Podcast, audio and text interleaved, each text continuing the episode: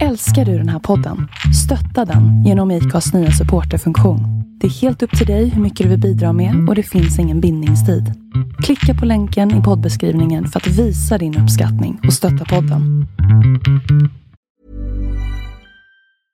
I'm Sandra, and I'm just the professional your small business was looking for. But you didn't hire me because you didn't use LinkedIn jobs. LinkedIn has professionals you can't find anywhere else, including those who aren't actively looking for a new job but might be open to the perfect role, like me. In a given month, over 70% of LinkedIn users don't visit other leading job sites. So if you're not looking on LinkedIn, you'll miss out on great candidates like Sandra. Start hiring professionals like a professional. Post your free job on linkedin.com/people today. Burrow's furniture is built for the way you live. From ensuring easy assembly and disassembly to honoring highly requested new colors for their award-winning seating, they always have their customers in mind. Their modular seating is made out of durable materials to last and grow with you. And with Burrow, you always get fast, free shipping. Get up to 60% off during Burrow's Memorial Day sale at burrow.com slash ACAST. That's burrow.com slash ACAST. burrow.com slash ACAST.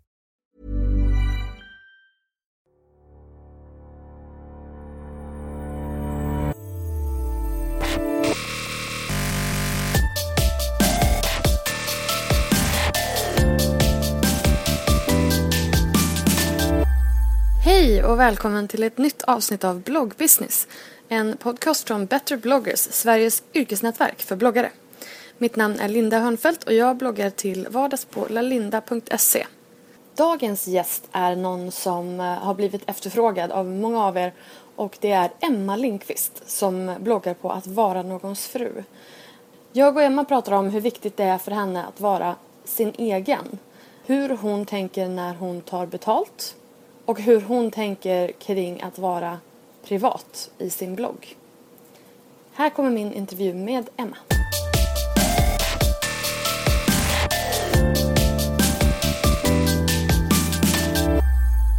Hej Emma, välkommen till Bloggbusiness. Hej hej! Nu sitter vi och eh, pratar från olika delar av landet. Du sitter hemma hos dig och jag sitter hemma hos mig. Så att vi spelar in det här via Skype bara så att folk förstår att det kan bli lite så här prata i munnen på varandra grejer ibland. Det känns jätte, jätteroligt att ha med dig i podden för att du är ju verkligen en av dem som eh, har gått i bräschen för hela bloggbusiness-grejen. Så det här ska bli ett väldigt intressant samtal. Eh, kan inte du börja med att berätta om lite vem du är och eh, din blogg? Eh, Emma heter jag och bor nu då i Ystad sedan några månader tillbaka. Eh, jag, och alla, det här blir alltid första grejen, men du pratar ju inte skånska. Alla har fått för sig när de, när de eh, läser mig att jag pratar skånska och att jag pratar väldigt så mjukt och lite så. I och med att jag är ganska så fluffig på bloggen och lite ernstig. eh, så att när jag har gjort podd så får jag alltid höra, men ett, nej men du pratar ju inte skånska. Nej, det finns, det finns folk som, som inte gör det, som bor i Skåne och jag är en av dem. What? Och, ja, och nummer två att, att eh, du låter mycket hårdare och så är det. Så här låter jag. Eh, och jag har då bloggen Att vara någons fru som jag nu haft i, jag vet inte, fem, fem år kanske. Kan det vara fem år? Jag började, jag var ganska precis gravid med buset tror jag. Så att runt fem år. Alltså det känns som att du har varit med forever. Ja, men jag, jag tycker att det inte känns så länge. Jag är två år tycker jag det känns som. Men eh, nu börjar man ju fasiken bli... Nu får du ju... Nu börjar bli gammal. Nu har du varit med. Nu börjar du hamna på veteranlistan liksom. Precis, precis. Så det gör jag och sen har jag ju Elsa Santourage ihop med Petra som är House of Filia. Vi har ju den eh, bloggportalen tillsammans. Ehm, ja, Vad härligt. Men då har vi en hel del att gräva ner oss i. Mm. Men eh, du började blogga för fem år sedan. Varför? Och hur och var? det började med att jag skrev eh, för en tidning som heter Nöjesnytt. Eh, Jag hade, jag hade faktiskt en eh, fiktiv sexspalt. Sådär ja. Ja, Det var lite, det var lite som- skutt från Ja. eh, dagens eh, Dagens, känsla. Det var jätteroligt. Det var helt fiktivt. Jag, jag fick eh, en del riktiga frågor då, men så svarade jag väldigt eh, olämpligt på, på alla frågorna eh, om vad man bör och inte bör göra och så. Eh, så där skrev jag och då skulle de starta en eh, ny hemsida och så ville han ha lite levande innehåll på sidan, han som har den. Så att han frågade mig om inte jag kunde tänka mig att börja blogga på deras sida. Och eh, ja, då kunde jag väl tänkte jag. Så att, eh, det var så det började för fem år sedan. Då började jag blogga på, på Nöjesnytts sida. Är det bloggen som med samma namn och så som den är mm. idag? Eller? Det är det. Alltså namnet är ju också en sån här sak som, som eh, man kan reagera på. Det är, ju, det är ju meningen att man ska göra det. Att vara någons fru valde jag medvetet. Det är ett taktiskt val. Eh, dels att jag ville ha något som började på A för att jag skulle hamna så högt upp i länklistorna som möjligt när man har så här, mina favoriter du vet ute i sidan.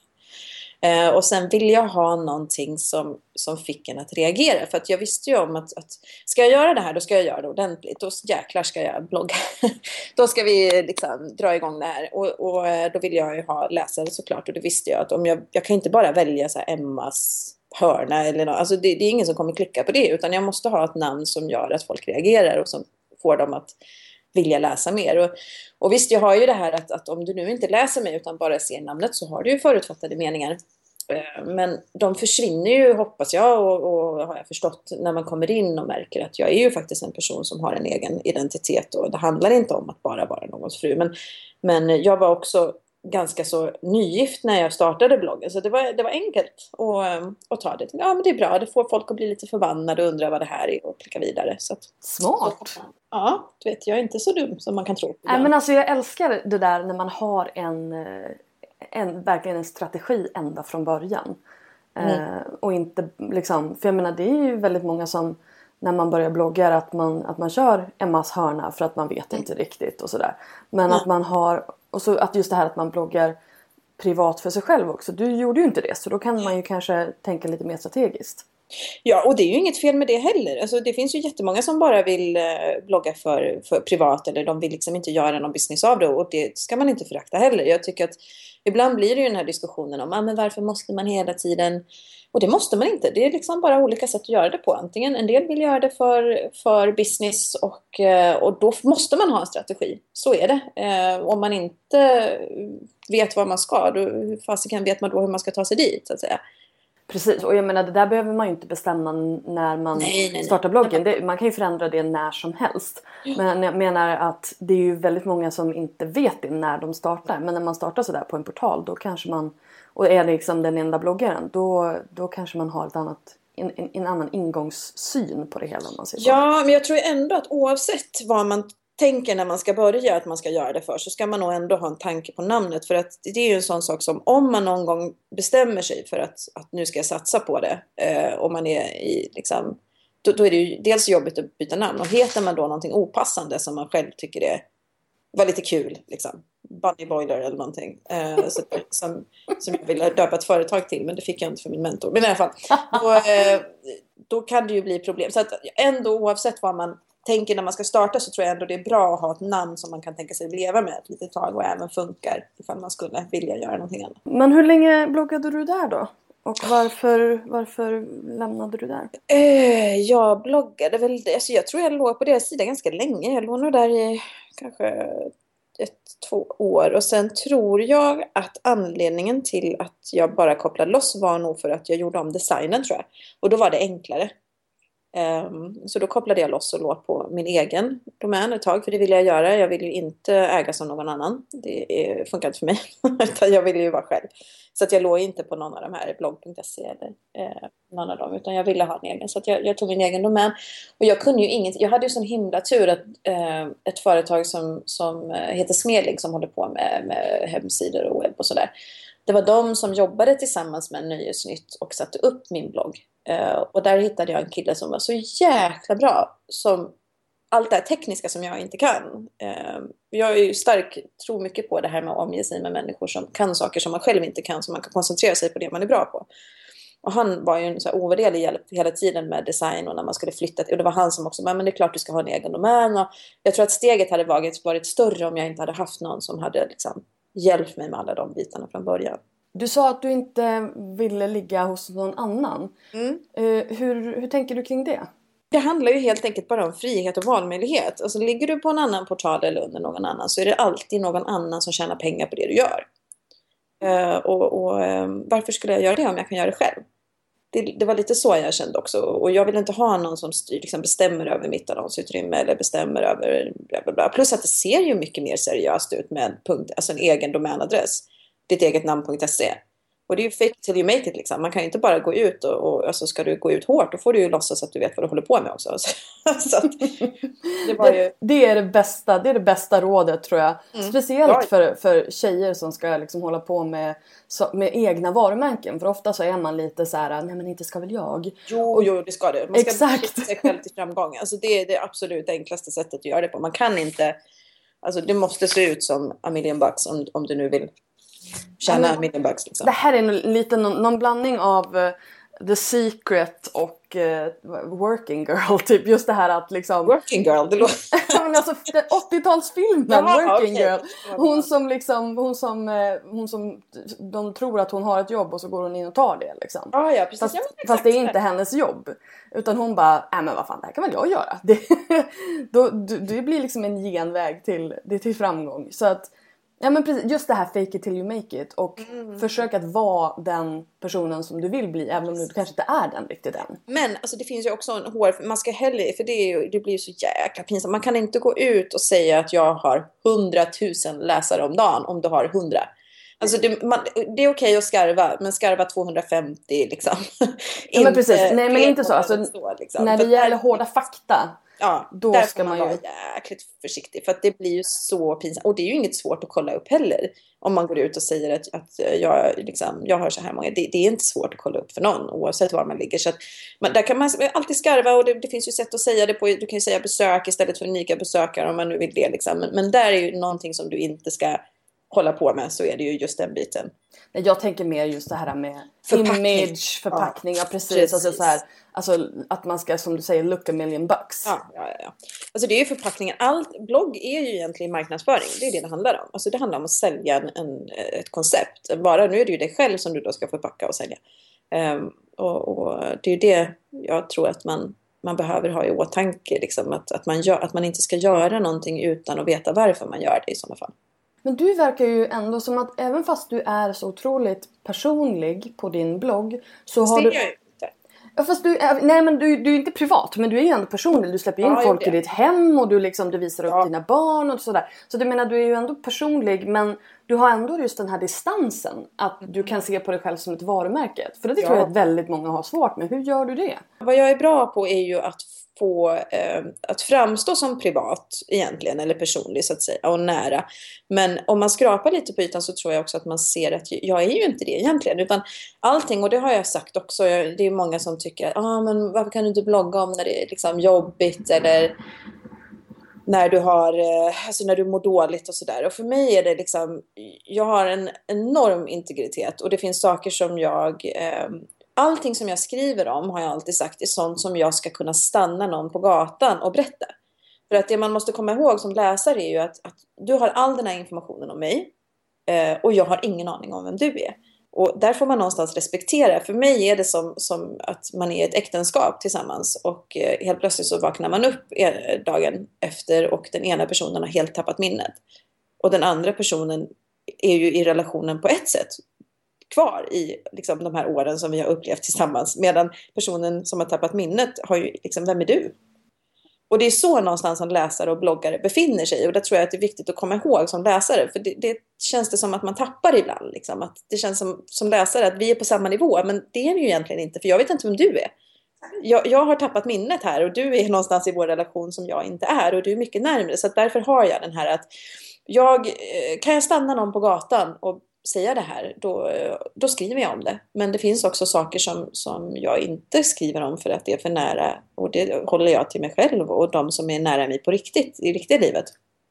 Um, jag kan ju stanna folk på gatan och säga hej, jag, jag bor i ett hus här och det ser ut så här och det här är mitt barn. Ja, men alltså de sakerna som jag faktiskt skriver om har jag inget problem att stanna och berätta. Men vissa saker um, är bara mitt och kommer alltid vara bara mitt. Och vissa saker är bara mitt just nu tills jag har bearbetat det och sen så kan jag skriva om det när det inte längre är nära. Men, eh, men det här med att, att liksom blotta sig själv på det sättet, det skulle jag jag vet inte, jag skulle känna mig lite smutsig. Alltså, jag vill inte, det blir för nära. Då har jag människor som, som, det är precis som när man har husvisningar hemma. Jag tycker det är jätteobehagligt när folk ska gå i mitt hem. Och, och jag är extremt privat hemma. Alltså jag är en av de här människorna som hatar om någon kommer och knackar på utan att jag vet om det till exempel. Um, och om någon går, alltså, jag, jag är en sån som kan krypa på golvet för att man ska synas liksom, genom fönstren om någon går och tittar in, du vet, för att se om man är hemma. för jag tycker det är så himla, alltså det, det, är lite sjukligt, men jag tycker det är så obehagligt med det här intrånget liksom, som jag känner att det är i mitt, mitt hem. Sådär. Men när jag själv väljer att bjuda in, då har jag inget problem med det. Om jag själv säger, ja, men kom hit, liksom, eller om jag själv öppnar dörren och bjuder in. Och det är ju det bloggen handlar om egentligen. Att, att jag bjuder in, men när jag inte bjuder in, då får man respektera att jag inte är hemma. Liksom. Så bra. Jag tycker det är jättebra. Jag brukar säga att jag har mina tre, mina tre filter eh, när jag skriver någonting. För att jag har ju i mina dagar varit otroligt privat liksom, i, viss, mm. i vissa, eh, menar, vissa perioder. Och då brukar jag säga att mina tre filter det är min, eh, min mamma. Mm. Det är en potentiell chef eller en potentiell kund. Eh, mm. Och en potentiell pojkvän. Och mm. är det okej okay för mig att de här tre personerna läser ett inlägg, då åker det upp. Mm. Eh, om jag känner att oh, det här kan bli ett lite jobbigt samtal, då får det liksom stanna i, på, i, på datorn eller i huvudet. Men har du aldrig en krock? För det kände jag ju när, när, nu driver jag ju bara eget så nu jobbar jag ju inte. Men när jag precis hade, när bloggen började ta fart och jag var anställd och jag arbetade som försäljningschef och jag åkte runt liksom och, eh, höll föreläsningar och, och sådär inom mitt, när jag var min yrkesperson. Så var jag ju alltid livrädd att det skulle vara en bloggläsare som jag skulle träffa. För den krocken kunde inte jag hantera. Och det var samma sak när jag fick reda på att, att hela företaget i princip läste min blogg då, då höll jag på att stänga ner. För jag, alltså, jag tyckte det var, och det var ju inte det att jag skrev någonting konstigt eller ekivokt eller på något sätt märkligt. Utan jag hade så svårt för att mitt yrkesjag och mitt bloggjag var två så separata mm, personer. krockade. Det krockade. Jag ville inte att människor som, som kände mig som, som försäljningschefsyrkesjaget skulle samtidigt sitta och läsa om hur svårt jag hade att raka benen när jag var gravid. Liksom. Nej, jag förstår att det kan bli en... Men alltså, jag vet inte. Jag har inte den där integriteten. Självklart, självklart har jag integritet men jag har en helt annan nivå liksom. Um, och jag är alldeles för öppen tror jag. I vissa fall tänka på också, för det kan jag ju sakna lite, att ju, ju, större man blir desto mer måste du hela tiden väga vad du skriver. Alltså för att jag, som jag sa till dig innan vi började prata, jag tycker ju själv att jag är jävligt rolig. jag, jag är ju en av de absolut roligaste personerna jag, jag känner. Eh, men jag vet det är bra, då, umgå, då kan man umgås med sig själv liksom. Ja, nej, men jättebra, det passar min eh, privata... Exakt. Jag sitter och ugglor under fönstren. Nej, men jag är också lite sådär satirisk och liksom mörk i min... Eh, och, och, mycket... Alltså i början, går man tillbaka och läser början av bloggen så tror jag att man kan få ganska mycket av det där. Eh, särskilt när jag var gravid med buse. Herregud, då kunde jag ju verkligen leva ut liksom. eh, men skulle jag skriva, och det kan jag tycka är lite sorgligt, att en del av de sakerna som jag skrev då skulle jag skriva exakt samma sak nu så skulle jag förmodligen få väldigt mycket mer skit. Då fick jag ju aldrig skit liksom, för det. Men, men eh, för att jag vet inte, att man måste hela Det blir ju en form av censur av sig själv också. Alltså det här med att vara privat och, och privat på det sättet kan jag ju då mena liksom att, att det här är jag humormässigt eller liksom det här skriver jag eh, för det skulle jag säga till mina vänner. Men ju större man blir desto mer måste man också tänka på att att jag kan säga det här till mina vänner för de vet vem jag är och de är mina vänner för att vi har samma humor. Men om jag går upp på en scen och säger det här inför tusen människor så kan jag ju garantera att, att 300 av dem kommer ju tycka att jag är dum i huvudet. För de, de finns liksom inte i den, ja. Och därför tyckte jag det också var så jobbigt och tycker fortfarande lite att, att när någon länkar till mig så tycker jag det är skitjobbigt. för, att, för att jag känner att jag har min klick av läsare som känner mig. Ja. På något vis. Eh, och som förstår mig och som inte är arga och sura och bråkiga. Jag har ju världens bästa snällaste läsare om det är någon utifrån som länkar och det kommer in ny trafik så blir jag alltid nervös och får lite ont i magen för att jag vet om att här kommer säkert komma någon som, som inte alls förstår. Alltså, och så kommer det alltid, men vad är det för namn? Eller du vet. Mm. Och därför så tycker jag det är så skönt när det är liksom, de, de vet vem jag är och så vidare. Men ändå så känner jag att jag, man får ju sudda ut sig lite liksom. Alltså vad, det kan jag sakna, att jag inte kan bara skriva rakt upp och ner. Utan jag får tänka mycket mer politiskt. Liksom, kan jag skriva det här? Kan jag säga det här ordet? Även om det är helt, alltså det är inga stora saker. Utan det kan ju vara som, kan jag skriva flickkläder? Nej, det kan jag inte göra. För då, då exkluderar jag någon. Liksom. Jag måste skriva kläder för barn. Ehm, även om, och dagis till exempel. Jag säger ju dagis, det är jättehemskt. Men jag, det sitter, liksom, jag säger dagis. Ja, men det, det är våran, våran generation. Det är bara ja, en vanlig grej. Det sitter i. Alltså, det är ju inte för att ja. vara elak. Utan det är ju bara, jag säger dagis och sen så får, får jag rätta mig själv. Men när jag skriver så tänker jag ju på det. Förskola. Jag måste skriva förskola. Medan om jag pratade med en vän så hade jag ju sagt att jag ska lämna busen på dagis. Ja. Men det där är väl just det här. Här kommer liksom det här varumärkestänket in. Nej.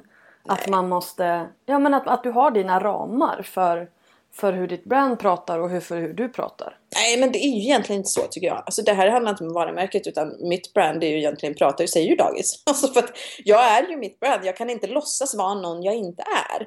Och, och blir jag tryckt mot väggen i det där, liksom, då, då, säger, då, då är det ju så att jag är ledsen att jag inte var den personen som du trodde att jag var. Liksom, som du hade en föreställning om att jag var. Men jag är en som säger dagis. Tyvärr, jag kan inte låtsas vara någon annan. Men, du, men, men känner du att du har liksom då en, en, ett alter ego på bloggen? Liksom? Nej, jag kände bara att jag får, jag, eller jag... nej, alltså det är ju fortfarande jag. Det är ju bara inte alla dimensioner av mig. Eh, och att jag är kanske lite slätare än... Eh, och det är ju samma sak, oftast blir ju krocken när de hör mig prata som nu att, att jag kanske är lite hårdare eller att jag är lite rappare eller att jag eh, ja, är lite mer tänkande än vad, vad, eh, vad jag är i text. Ehm, och det är också bara för att, att, i text så hinner man ju eh, vilken del av mig är det jag... Alltså, jag hittar ju aldrig på. Det är bara olika dimensioner av en på något vis.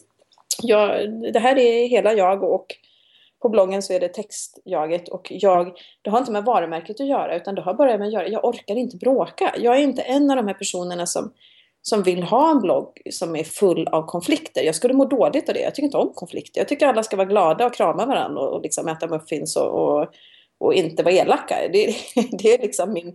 Men det, det är den känslan jag får av din blogg. Att alla ja. är glada och, ja, och äter muffins. De, liksom. de men var kommer de här konflikterna liksom. ifrån? Vad sa du? Var, var, kommer de här konflikterna ifrån? Nej, varför... någon, om jag råkar skriva flickkläder liksom. Ja men då exkluderar jag. Eller om jag råkar skriva dagis. Alltså, ja, nu har jag ju väldigt snälla så det är ingen som säger något så. Men, men eh, jag kan känna som när jag var gravid och jag smörjde in mig med eh, klinik. Ja, men då skulle jag egentligen tvätta håret med kokosfett och smörja in mig med bikarbonat. Och jag, alltså jag är ledsen men det gör inte jag. Alltså, jag alltså, som jag skulle sett ut om jag hade tvättat mig med kokosfett. Jag tror inte ens man... Alltså, det, det är inte ens kul. Liksom. Och där är ju, men, men, jag är inte den personen. Och då kan jag heller inte låtsas vara den personen. Och, och jag, förstår, jag önskar ju att jag var en sån här person som alltid källsorterade och som hade full koll på Palestina-konflikten och som tvättade men mig. Men herrejösses, du är ju människa! Ja, men det är det jag känner också. Men man får ju den här rollen på något sätt att man ska vara en, en förebild och det där slår jag bakut av för att jag har aldrig valt att vara en förebild och om man vill ha mig som förebild så får man ju ta mig för den jag är. Annars är jag ju på låtsas och vem fan vill ha en fake-person som förebild? Nej men exakt, jag menar förebilder. Jag tycker att man ska ha mänskliga förebilder därför att mm. annars så sätter man ju upp helt omöjliga mål också. Mm. Jag menar, det är väl jättefint att en person är liksom så 99% genuin och, och härlig och gör hyfsat bra val. Men jag menar, skulle du vara den personen som du vet källsorterar hela tiden säger förskola och tvättar håret med kokosfett. Då, då skulle du bara vara en ouppnåelig förebild. Ja, men jag, jag, för mig är det ju så. Men för de, jag, jag, säger ju ingenting mot folk som säger förskola och tvätta håret kokosfett. Men, men jag orkar ju inte bli arg på dem för att de gör det. Eller för att jag inte förstår. Jag, jag, det är det där jag har så svårt för. att Jag förstår inte varför allting alltid i den här världen måste vara rätt eller fel. Det kan inte bara, varför kan det inte bara vara olika sätt att göra det på? Det är som att tjäna pengar på bloggen. Antingen så gör man rätt eller så gör man fel. Nej, det tycker inte jag. Man gör det på sitt sätt jag blir inte förbannad på någon som inte gör rabattkoder. Eller jag blir inte förbannad på någon som säger ingen reklam. Och går på och säger jag tycker det är fult att man inte har reklam på sin blogg. Utan det, fasiken, låt folk göra vad de vill. Jag, jag, det är jättekul om man trivs med det man gör. Och jag kan ju respektera att, att eh, ja, men, typ Lady Damer till exempel. Som, som, eh, och, hon och jag är inte samma alls. Eh, liknande. Men jag respekterar ju henne jättemycket för vad hon har byggt upp i sin sfär. Liksom. Mm. Eh, istället för att jag ska gå, sen behöver jag inte hänga där in och läsa och liksom men jag kan ju fortfarande ha respekt för vad hon har gjort och istället koncentrera sig på det än att jag ska börja hacka på att varför är du på det här sättet? Liksom? Du borde ju vara på detta sättet som jag är. Eller när man ska hänga ut varandra att, att ja, nu, usch ja, nu är det ju någon som har köpt en ny soffa. Men jag har min sann och dag eh, alltid haft den här soffan i 20 år. Um, och, och så länkar man till den här stackars personen som har köpt en ny soffa och så får de en massa skit av en massa arga.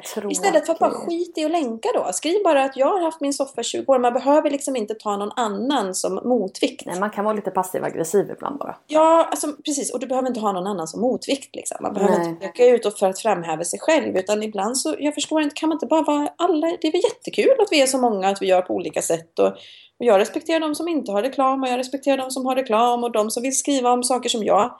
Jag vägrar göra reklam för träning eller viktmedel till exempel. Där har jag mina eh, jag skriver aldrig om det. Skulle, även om jag skulle råbanta och bara käka bark i tre månader så hade jag aldrig någonsin gått ut med det. Eh, och det är min, för det är min, jag måste ju sätta mina egna ramar på något vis. Och så kan någon bli förbannad för att jag skriver om ja men vad fasiken som helst, vad ska vi säga, ja men piratkopior liksom. Ja okej, okay, men om, om jag inte har den referensramen. Eh, om jag skulle gå efter vad alla andra har för referensramar så kan jag inte skriva om någonting. Jag har ju mina egna, jag tackar ju nej till jättemycket grejer. Och päls och jag skulle aldrig göra skönhetsoperationer på bloggen och jag skulle aldrig eh, göra bantningar. Men tror du att det här är för att de, folk har liksom din blogg som någon slags dröm värld typ. Och då, då ska det vara så idealistiskt på något vis. Ja, men då är det ju fel. Om ja. man tror att jag är, då, har, då vet man ju inte, då har man inte fattat vem jag är. Om man tror att jag eh, har tvättat mig i alltså, kokosfett. Då har man ju tappat vem jag är någonstans på vägen. Och, och då är det ju mer på en egen del. Att man, jag Precis, kan förstå att man projicerar ju saker på dig. Precis. Och då förstår jag att man blir besviken. Men det, det ansvaret ligger ju inte på mig. Alltså jag kan ju inte ta ansvar för det och det är där jag mår dåligt. För jag mår ju dåligt om, om någon har en bild av mig och tycker om mig för en person som jag inte är. Och så, så gör jag någon besviken och då kan jag ju känna, men fan vad tråkigt liksom. Men samtidigt så, jag, är ju, jag har ju aldrig sagt att jag är så. Jag, jag kan förstå om man blir besviken om jag går ut och säger att man ska inte använda någon form av schampo, man ska bara använda bikarbonat. Och sen så står jag veckan efter Tullo, med massa bubbel i håret liksom. Kör schampo-reklam. Då kan jag förstå att man blir förbannad. Men, men det där är ju inte liksom... Nej men man projicerar sina egna ideal på dig och har liksom tappat vad du faktiskt har för, för ramar liksom. Det blir väl lite som i verkliga livet. Alltså ingen av mina vänner tvättar håret i bikarbonat tror jag. När jag tänker efter. Mm. Och det blir ju så att man... man jag visste inte ens att man skulle göra det. Nej men alltså för att det inte ska tydligen bli kemikalier. Jag vet inte. Aha, jag, ja men det är den. Det är, det, är de, det är de personerna. De här som ska ha de här som ska ha. Det är klart att man får göra det och att man vill leva så giftfritt som möjligt. Det är superbra. Men, liksom. men du vet jag orkar inte riktigt vara så perfekt. Nej, och det är väl så, det, det är väl den här per perfektionsjakten liksom. Ja, men hur, det är väl inte, vem säger att det är perfekt? Det är perfekt för, för någon annan men inte för mig. Alltså jag menar bara, jag tror att i verkliga livet så, så, väljer man ju personer som man umgås med som vänner som är ungefär likadana. Och det är det jag menar att ingen av dem jag känner, eh, och därför blir det ju så främmande för mig om någon vill tvätta håret bara i, i liksom bikarbonat när man är gravid eller fär, liksom, göra egen färg med typ, jag går ju till en islänning liksom, som får fixa med vilka kemikalier han vill i håret. Jag gör ju inte egen hennafärg och sånt. Eh, och, och, då förstår jag att det blir främmande, precis som det blir främmande för mig om jag skulle komma in liksom, i en grupp människor som, som, eh, som bara gör det. Men där känner jag att där har man ju liksom den här möjligheten också att välja. De jag umgås med umgås jag ju för att jag tycker om dem. De jag läser läser jag ju för att jag tycker om dem. Och sen behöver man inte, liksom, sen har jag ju vänner som, som tillhör politiska, andra politiska tillhörigheter än vad jag gör. Eh, och som är extremt eh, åt ena hållet mot vad jag inte är. Men det spelar ju ingen roll för personen i fråga, det är ju personen jag tycker om. Då går ju inte jag och klagar på henne för att, att eh, hon, eh, men nu tycker jag att du röstade på fel parti. Eller hur kan du tycka sådär? Utan då bortser jag bara från den biten. Eh, om det inte är en, alltså om vi inte pratar att de skulle ja, göra någonting som jag tycker är, genuint fel i grunden. Alltså gå ut och skjuta hundvalpar eller vara rasister eller vad det nu än må vara. Liksom. Men, det låter otrevligt. Nej men alltså någonting som är långt ifrån min egen. Men, mm. och, och, det är det här jag liksom tycker lite i bloggvärlden med, eller som läsare och när man är inne att ja, men ibland alltså, kan man inte bara läsa de man tycker om och så bortser man från de bitarna hos en människa som kanske inte alltså, är. Men jag tänker att de här människorna som skriver sådana här saker och försöker vara lite så här pekpinnar och sådär. Det, det måste ju, de måste ju ha ett ganska... Alltså de måste ju vara olyckliga på något sätt när, för att man måste försöka rätta andra personer? Alltså inte just det där, men jag känner ju de som är elaka, nu har ju inte jag det tack och lov, peppa peppa liksom, elaka människor. Men bara tanken på att jag skulle sätta mig vid datorn och gå in till en person och skriva någonting elakt i syfte att göra den personen ledsen. Det får mig, det knyter sig i mig. Alltså jag kan inte ens, jag kan inte ens tänka tanken. Det känns så omänskligt på något vis. Ja, men jag, varför skulle jag vilja... Alltså jag måste, du skulle sett mig nu, jag sitter här och kryper ihop. Varför skulle jag inte ens... Det finns ju oh, men jag tänker på min värsta ärkenemesis liksom. Oh, någon jag tycker riktigt illa om. Inte ens till den personen skulle jag kunna gå och säga det. Alltså, det känns ju, det är den personen så himla, alltså är man så himla olika så känns det som att oavsett om du skriver en elak kommentar så det kommer ju inte göra någonting annat förutom att göra den personen ledsen. Varför skulle jag ledsen? Nej, ja, varför ingen... skulle jag vilja göra någon ledsen? Och det är där jag menar, där tror jag inte att man mår bra. Om man, för jag mår inte bra bara jag tänker på att jag skulle vilja göra någon ledsen. Inte ens personer som jag inte tycker om. Om det finns någon som jag är riktigt förbannad på, jag skulle ändå inte, då säger jag till mina vänner, du den här jäkla... Och så håller jag det där liksom. Ja. Men jag skulle ta steget och skriva något bara för att nu ska jag göra Linda ledsen. Vad kan få henne ledsen? Jag skriver så här för det är nog en öm punkt. Och så går man på typ, ja, vad man nu vill. Jag kan inte ens varför, varför skulle jag vilja göra någon ledsen? Varför skulle jag vilja klanka ner på någon? Jag kan inte för mitt liv. Jag vill bara, jag skiter i det i sådana fall. Om det är någon som gör mig förbannad så skit, jag håller tyst. Jag skiter i det. Det kan finnas bloggare som jag kan tycka kanske är inte alls särskilt trevliga, men det struntar jag i. Försök att mucka, det kommer inte hända något liksom. För att jag, jag vill inte och jag, jag förstår inte varför man inte bara kan få vara som man vill.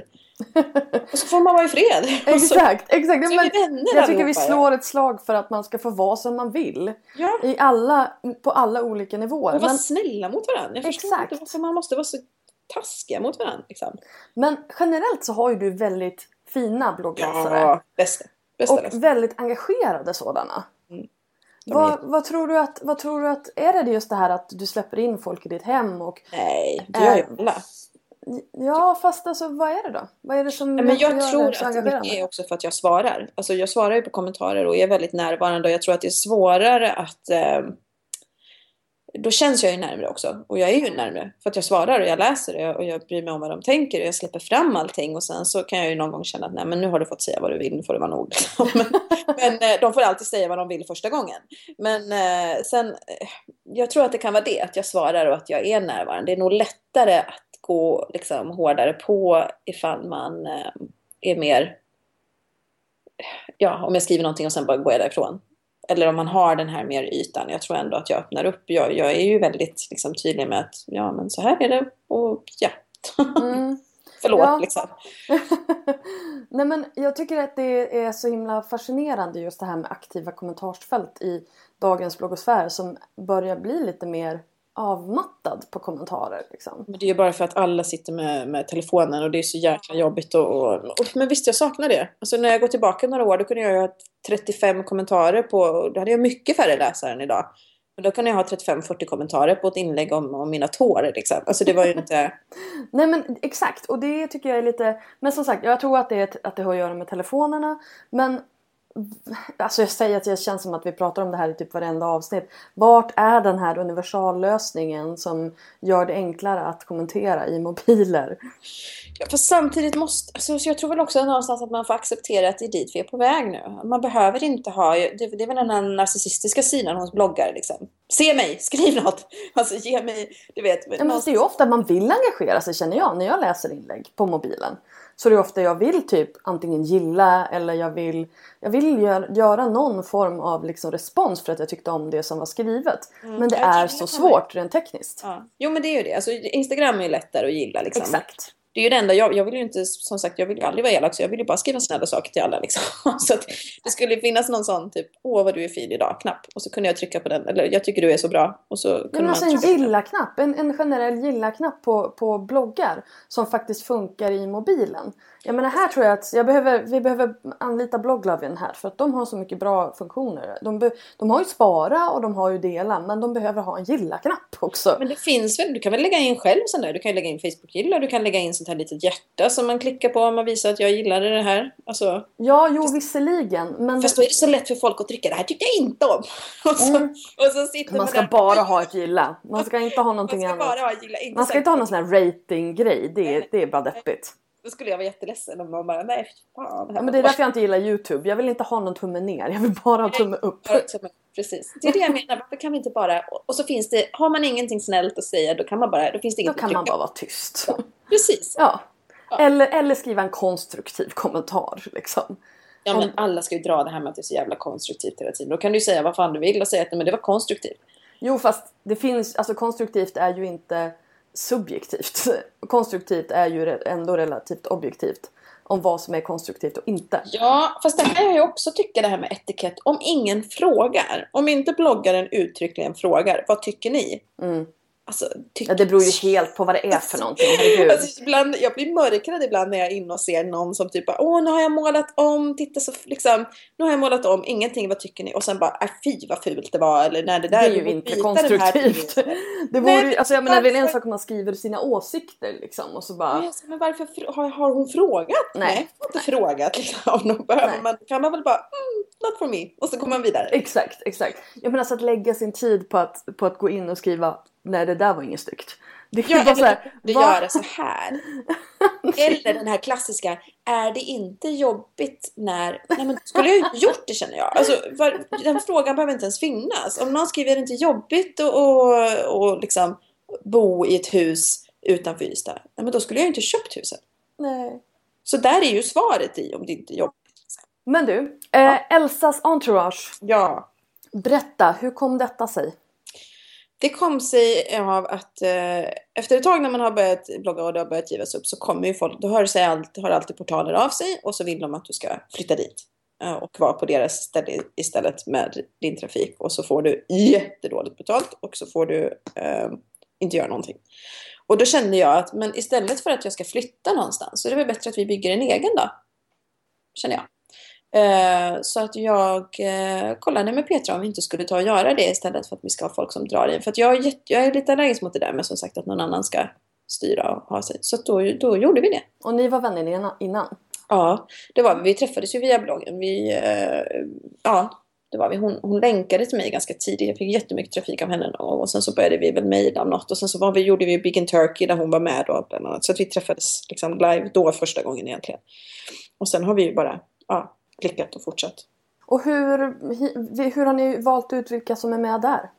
Först så var det ju då ganska naturligt liksom, urval och sen har vi ju en ansökningsprocess där några sitter och tar emot och alla ansökningar som kommer in och sådär. Och det är väl, vissa kriterier är väl, eh, som sagt, det är ju bild, det måste vara en kvalitet på bild eh, och text och en känsla för eh, ja, men hur, en känsla för estetik så att det passar in på något sätt.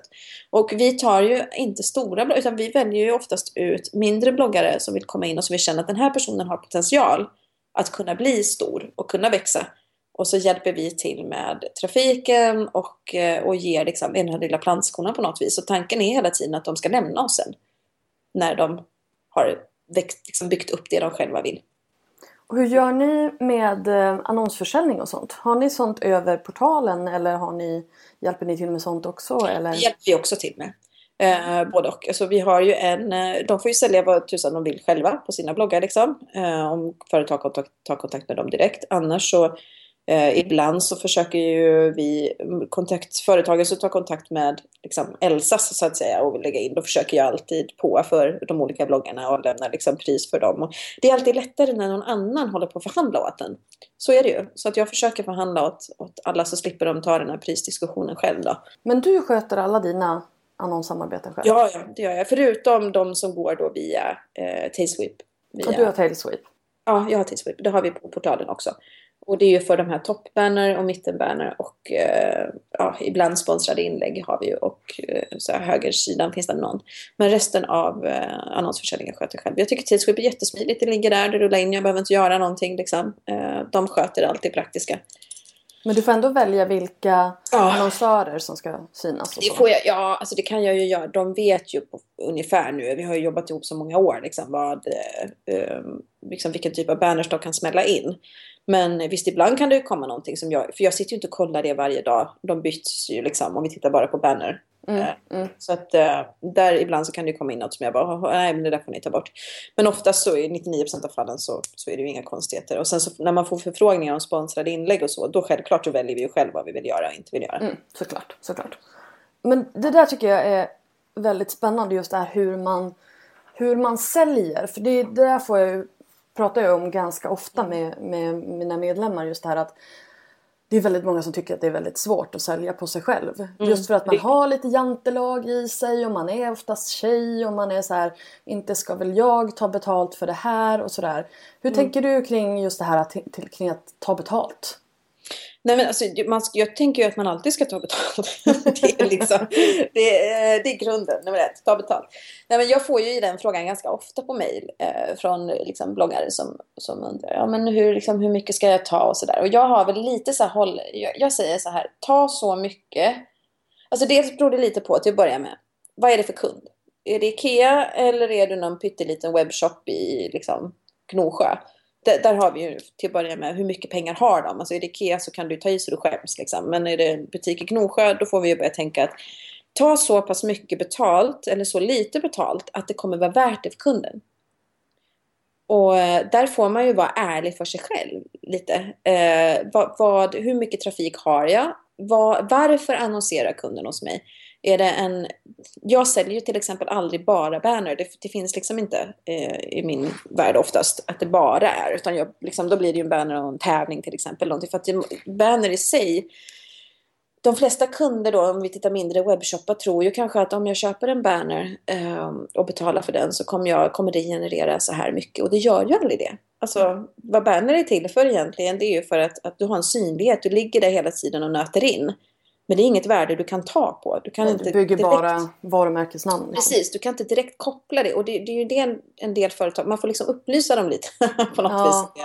Och själv känna till om vad, liksom, vad, vad ger jag om jag gör en tävling, vad kommer det ge? Om jag gör en rabattkod, vad kommer det ge? Om jag gör detta, vad kommer det ge? Och så vidare. Och lägga sitt pris så att det kommer vara värt det för kunden. Att de ska ju i slutändan känna att det de har gjort har gett mer än vad det har kostat. Liksom. Mm. Och då kommer de komma tillbaka och då är det eh, långsiktigt och, och, eh, och sådär. Jag, jag, tycker alltid att man ska ha den respekten. Och sen så kan man ju känna ibland om någon hör av sig som man tänker så här, men jag har ganska mycket ändå liksom. Jag är inte så, alltså, då kan du dra i lite. Trillar de in så trillar de in. Men det är inte så att du, du hänger på det liksom.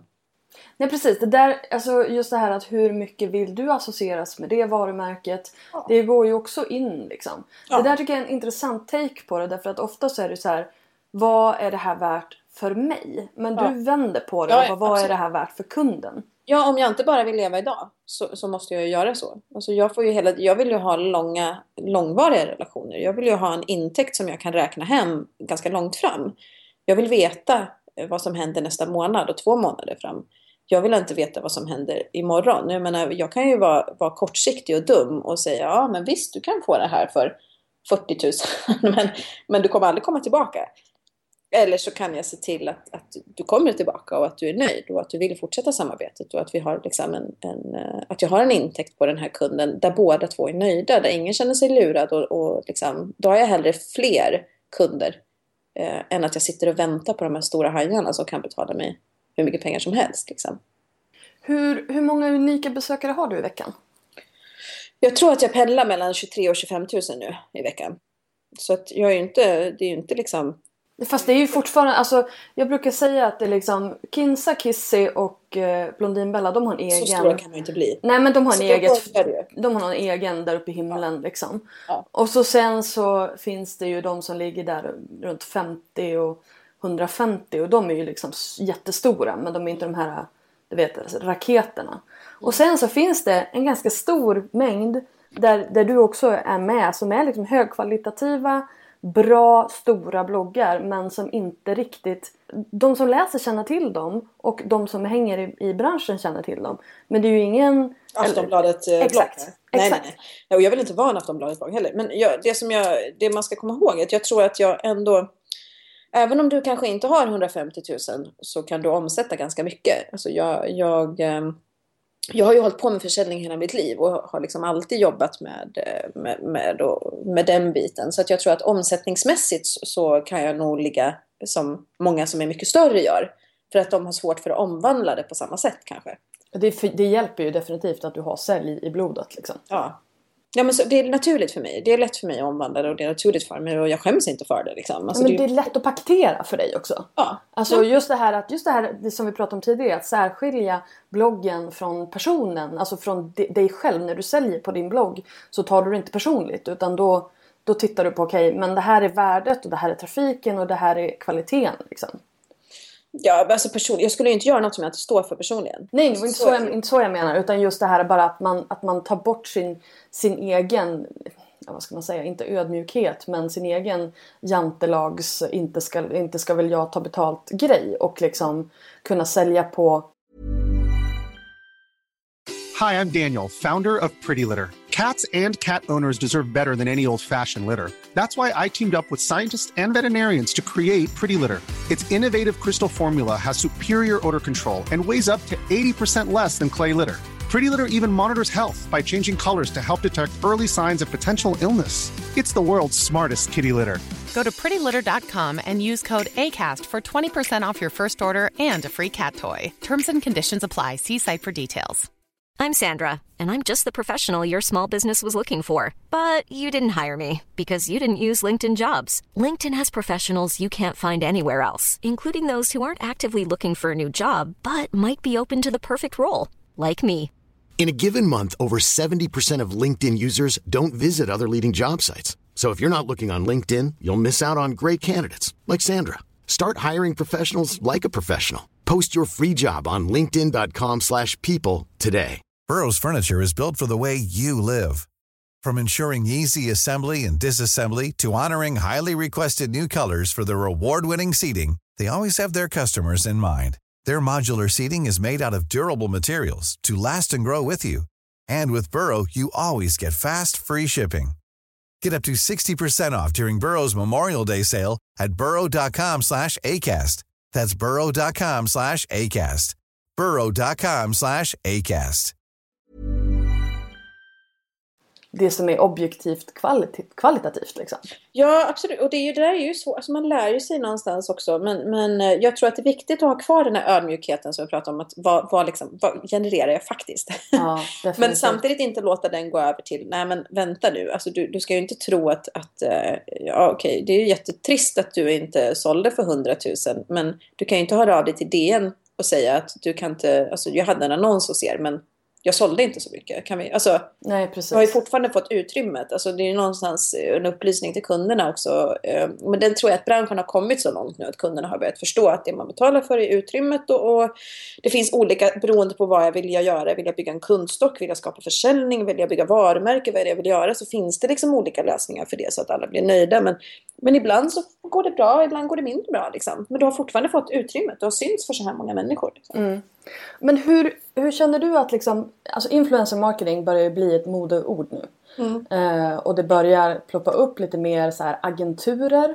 Eh, mm. Och eh, ja, men det händer grejer. Hur känner du att liksom, dina kunder eller när du blir eh, kontaktad av företag. Hur upplysta är de? Har de liksom koll på vad det är för någonting de köper? Ja, ja alltså för det första så tycker jag det som börjar bli största skillnaden nu är väl att folk börjar förstå att de faktiskt ska köpa någonting. Mm. inte bara är, alltså en del företag har ju fortfarande av sig när man undrar men herregud alltså är du, är du på riktigt? Det här, nu vet man ju att det här är någon som aldrig hållit på med bloggbranschen. Alltså det roligaste Vad säger de då? Ja, men det roligaste, absolut roligaste var en där jag, eh, jag, jag kan inte ens berätta vad det var för, eh, men, men jag visade någonting som jag hade köpt, eh, legitimt köpt för övrigt, på, på en eh, webbshop. Och, eh, och sen var det någon i kommentarsfältet som skrev att, att ah, men du, det finns, för den var slut den här saken som jag hade, och det var någon som skrev men det finns liknande här, och så länkade de in till en webbshop. Eh, och då hade väl den här shoppen fattat, alltså så bra koll hade de att de såg väl ändå att det kom trafik och kunde klura ut varifrån den kom. För att eh, en, någon timme efter så fick jag ett mail från den här webbutiken då. Som bara hej hej och jag såg att det var någon som hade skrivit om att vi har den här grejen. Så jag, eh, det, och det är ju kul. Så jag tänkte så om du kan bara ändra länken i ditt inlägg. eh, och så länkar du till mig istället. Och så kan du då få 10% rabatt och ge till dina läsare. Mm? Tack. Men eh, alltså, eh, nej. eh, och då får man ju, då får man ju, jag försöker alltid svara så snällt som möjligt att ja, det var ju jättevänligt men så här funkar det liksom. Att, att eh, du, jag kan jättegärna ge dem 10% rabatt men då bla bla bla liksom. Men har du någon sån här standardmail som du skickar ut till sådana där Nej, det står att det här är min prislista, så här funkar det liksom? Jag försöker idiotförklara på ett väldigt snällt sätt. Alltså det, nej men alltså att man får förklara varför. Alltså det, det, nej, utan det kan jag jättegärna göra. Men det ligger på. Och så har man ju lärt sig känna igen. Det finns ju fortfarande de här jäkla kasinosajterna som bara, ja, ja. Så får du 200 kronor, men kom igen. På Paypal. Alltså, på Paypal ja. Skitseriöst. Och då svarar jag ju alltid att jag tror varken att min skattejurist eller min revisor skulle bli så glad för det där. Liksom. Nej precis. Och inte mina läsare heller. Nej, nej men alltså. För att ja, det där är ju liksom hur tänker du när du, när du väljer dina samarbeten? Tänker du liksom mycket på dina läsare eller tänker du på dig själv eller hur, hur går du tillväga? Ja, men man kan ju inte säga att man tänker på läsarna för att jag menar det är alltså, på det sättet det, det känns lite skenheligt tycker jag att jag gör det här för läsarnas skull. Nej, nej, alltså, nej, men att det ska passa för dem tänker jag. Ja, ja men så, alltså, jag kan ju upplysa. Det finns ju en del kunder som kan höra av sig med produkter som, som jag i sig inte har något problem med. Men där jag kan känna att det här är jäkligt nischat alltså. Om vi tar till exempel eh, hälsokost, säger vi. Jag skriver inte om hälsokost särskilt ofta. Jag, eh, det är inte så att jag promotar en massa vitaminer liksom, i mig själv. Jag har ingen tränings... Alltså så. Eh, och om någon då hör av sig med att jag har det här eh, i sockret som är gjort av bäver, liksom, som vi, ja, du vet. Och då kan jag ju känna att okej, okay, alltså du får jättegärna eh, stoppa in en banner, vi kan göra något, men jag tror inte att det kommer hända så mycket. Nej. Och då kan jag ju liksom vara ärlig och säga det, att, att jag kan inte, jag tror liksom inte, det är en ganska liten målgrupp. Och visst, jag kanske har eh, si och så många kvinnor, men hur många av dem käkar socker på bäver? Det är ganska få. Så att eh, det, det, är liksom, jag tror att det kanske finns bättre nischade bloggar för det än, än mig. Liksom. Det mm. du betalar kommer inte, ge, kommer inte ge resultat i slutändan. Så att jag försöker väl både tänka på kunden och på mig själv och eh, såklart att det ska liksom kännas, det ska finnas någon form av relevans. Sen kan jag ju tycka att, eh, jag vet ju själv innan jag började blogga så tyckte jag att rabattkoder var ju skitbra. Liksom. Jag köpte jättemycket rabattkoder på bloggar och där nu är det ju så, ser jag det som, att det är ju en del av möjligheten att kunna hålla det igång. Och vill man inte ha titta så bara bläddra vidare. Och jag, jag har alltid den här med att tänka på läsarna, att jag tar aldrig ifrån dem någonting. Mm. Eh, när det kommer till sponsrade inlägg. Liksom. Jag, det är jag väldigt, väldigt noga med att, att det ersätter aldrig någonting annat. Har jag två inlägg om dagen i vanliga fall och jag ska ha ett sponsrat inlägg så kommer jag ha tre den dagen. Så de kommer fortfarande få sina två. Så jag, jag är väldigt noga med att inte ta ifrån dem någonting. Eh, utan att de får fortfarande de som inte är sponsrade. som de skulle ha i vanliga fall. Och sen så finns det då reklam emellan. Liksom. Har, du fått, har du känt av någonting det här med bannerdöden? Som det pratas mycket om nu. Alltså med alla adblockers som kommer dyka upp här och var. Jag tänker att det är någonting som kan gynna eh, sponsrade inlägg. Nämligen. Ja. Nej, alltså jag kan inte påstå att jag känner av. Jag, eh, jag har nog inte hunnit dit än. nej, alltså jag tror att dels i och med att jag oftast gör liksom, paket för mina kunder och då är banner en bit av det som bara är eh, liksom, ja, en bonus på kakan så att säga. Eh, och då, eh, ja, eller de som bara vill synas liksom. Så att nej, jag tror att man kanske kommer märka det mer då i Tailsweep-världen på något vis. Eh, som sysslar väldigt mycket med just bannerförsäljning och liksom, visningar och sådär. Eh, men det är inte så mycket, jag, det, det, är inte jag inne och fibblar så mycket med utan det får de sköta. Men du har ju också så här mycket sidogrejer. Alltså hur mycket av din inkomst eh, kommer direkt från bloggen och hur viktig är bloggen för de andra mm. sidogrejerna? Alltså det beror ju lite på hur man väljer att se det. Man kan ju säga att allting egentligen har ju härstammat från bloggen. Alltså fotouppdragen och sånt som jag gör nu, det kommer ju från allra första början kommer det ju från bloggen. För att det, utan den så hade ju folk inte vetat om att jag fanns. Liksom. Nu är det ju mer eh, frigående. För att nu, nu sprider det sig på andra sätt istället. Men allting härstammar ju egentligen från bloggen från första början. Och eh, jag har ju en enorm respekt för det. Eh, och kommer väl alltid att vårda liksom, den biten. Men eh, rent inkomstmässigt så är ju bloggen, ja det är en bit liksom. Men, men jag gör ju så mycket andra saker i bolaget som vad gör du då? Nej, men jag, det är mycket foto. Det är ganska mycket. Jag, försöker jag gör ju mest företagsfotograferingar men även lite privatpersoner. Eh, nyfödd fotograferingar och bröllop och lite sådana saker. Så det är ju det och sen så har vi ju Elsas entourage liksom som tar sitt, sin tid och sen så är det ju, ja men det är ju styling och eh, de bitarna. Jag har gjort något varuhus och jag har gjort liksom sådana saker. Eh, föreläsningar gör jag mycket. Jag, jag har ju kvar lite av de här gamla grejerna som, som jag jobbade med tidigare som inte alls är bloggrelaterat och som jag nu gör i företaget istället för att vara anställd. Alltså jag håller mycket säljutbildningar, jag gör mycket eh, coachmöten liksom och jobbar med grupper och, och sådär. Så de bitarna som, som inte finns i bloggvärlden gör jag ju fortfarande. Och nu håller jag ju på att starta en webbshop också. Ja, jag såg det. Det här är ju jättespännande. Mm. Och det var bara någon sån här, så här ja. du kom på en lördagkväll och bara det här ja, verkar för typ fyra veckor sedan. Så. ja men du, jag känner igen mig så mycket i det här. Bara, ska det hända så ska det hända nu. Nu ja. Och sen tappar jag det liksom. Jag gör inte det nu så om man frågar mig om två veckor så nej. Och så då vill jag göra något annat. Ja men precis. men det gäller att hålla i. Ja. Men, men vad kul! Och, mm. Men den här, har den kommit Nej, den har inte kommit upp än. Nej, jag tänkte försöka lansera den idag kanske. Jag ah, på. Spännande! Sporten öppnade klockan nio och då började jag prata med dig. jag, okay. jag får ringa dem när det, när det är klart. Men vad använder du då? då? Alltså, vad eh, för, för butik menar du? Ah. Plattform? Ah. Texttalk. Okej, okay, okay. ja. Det har jag faktiskt använt i, ja. för många år sedan. Det var inte användarvänligt kan jag säga. Men nu har jag lärt mig det så att nu, nu känns det okej. Okay. Ticktail. Tick, ticktail, ticktail. Ja, det är användarvänligt. Men ja. Eh, det tog jag inte. Såklart. Jag tog texttalk. Var...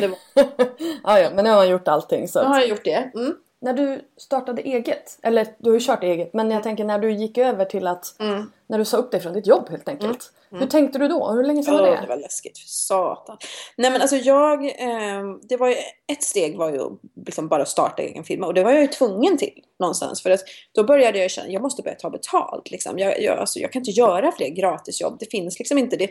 Man får jobba jävligt mycket gratis i början för att sprida sig så är det ju liksom, jag tog jättemycket gratis fotograferingar, jag gjorde mycket liksom sådär. Uh, och många som också undrar när ska man börja ta betalt och svaret på det är när du inte orkar längre. Alltså, det är lite så. För början gör man så jäkla mycket gratis och det är kul ett tag. Och sen kommer man till en punkt när det inte är roligt utan man bara känner att jag håller på att liksom bränna ut mig på saker som inte ger någonting tillbaka för att det blir mer och mer och mer och jag lägger en massa tid på det. Uh, då ska man börja ta betalt. Och då hörde jag av mig och skulle starta en, det är ju så jäkla krångligt alltså att starta ett företag. Tycker du? Jag tycker en enskild firma. Alltså, gisses kan jag säga. Bara alla de här en miljon frågor. Hur mycket kommer du omsätta? Hur fan ska jag den, veta? Den är lite lurig. Hur fan ska jag veta det? Ja, men alltså, det man ska jag, veta det. Jag, jag, liksom, jag har ingen aning. Jag vet inte hur mycket jag kommer omsätta. Jag vill, bara kunna, jag vill bara kunna fakturera. Och sen skitsamma om det är 500 kronor i månaden. Men så jag slipper ta det svart liksom. Men det här är ju, alltså det där är ju verkligen bara sån här ett finger i luften och... Ja, och fast inte bara ett finger i luften. För att om du drar i så kommer du ju fan förhandsskattas för det. Exakt. Så att det är bättre att skriva ja, liksom... Alltså där ska du inte vara styv ska jag säga. Nej verkligen inte. Alltså där är det bättre att ja. liksom, så där, om jag kommer tjäna 10 000 det första året. För då men, kommer du inte att få någon preliminärskatt. Men då kommer du behöva skatta året efter så att man sparar pengarna. Men vad du också får reda på, för jag satte väl något sånt där långt. men jag tänkte om jag gör 1000 kronor i månaden. Men gör man någonting liksom. Mm så här lågt. Och då fick jag ju höra att då var jag inte närings... Eh, alltså då tyckte de att jag skulle tjäna för lite så att jag skulle inte få lov att öppna. Enligt Skatteverket. Jag borde inte skaffa egen firma för det var för lite. Men vad helvete, är det inte klok? Alltså om jag har, om jag så tusen spänn i månaden som jag kan skatta för, är inte det bättre? Ja, det, där är så, det där är så lustigt. Men jag tycker ändå att om man går in på vad är det? Verksamt. Verksamt.se så finns det väldigt mycket bra information. Men ja, men ja att man smart. kanske ska liksom. Men bara just det här att när det står så här hur mycket kommer man omsätta första, första året. Det är inte någonting som är etsat i sten och det är Nej. ingenting som man liksom behöver ha koll på. Utan det är bara en uppskattning för att, ja, men för att de ska veta just det här, är det typ värt att du startar eller ska du köra på typ frilansfinans eller cool company eller någonting sånt ett tag? Mm. Jag tycker ändå, alltså, och jag, visst jag kanske är dum i huvudet när det gäller sådana saker, men jag tyckte fan inte det var lätt alltså. Och jag fick ju ringa Emma som, som också har en blogg, Emchen, och, och som jobbar på Skatteverket bara Emma, ja. vad ska jag skriva? Och vadå, liksom bokför, alltså ska jag ha eh, det här med redovisningen, ska jag ha det enligt bokföringsmodell? Alltså du vet, herregud, jag, jag nej en revisor, det är liksom prio ett. Det spelar ingen roll vad det kostar, bara de löser det. Liksom. Eh, jag tyckte inte det var lätt. Men så, så det ena var ju att starta bolaget och sen så hade jag startat min enskilda firma och så tog jag såna FA-skatt så att jag skulle kunna ha lön samtidigt. Så jag arbetade som anställd och sen så gick jag ner på 80% och så arbetade jag 20%. Eller det blir ju alltid mer men på ja. papper 20% med bolaget. Och, eh, och så började jag köra på och eh, drog in liksom pengar helt enkelt. Och jag gjorde så att jag, jag visste hela tiden att, för jag är en sån enorm trygghetsmänniska och jag måste veta att jag har pengar. Jag, jag är inte en sån som kan leva under broarna med min gitarr liksom.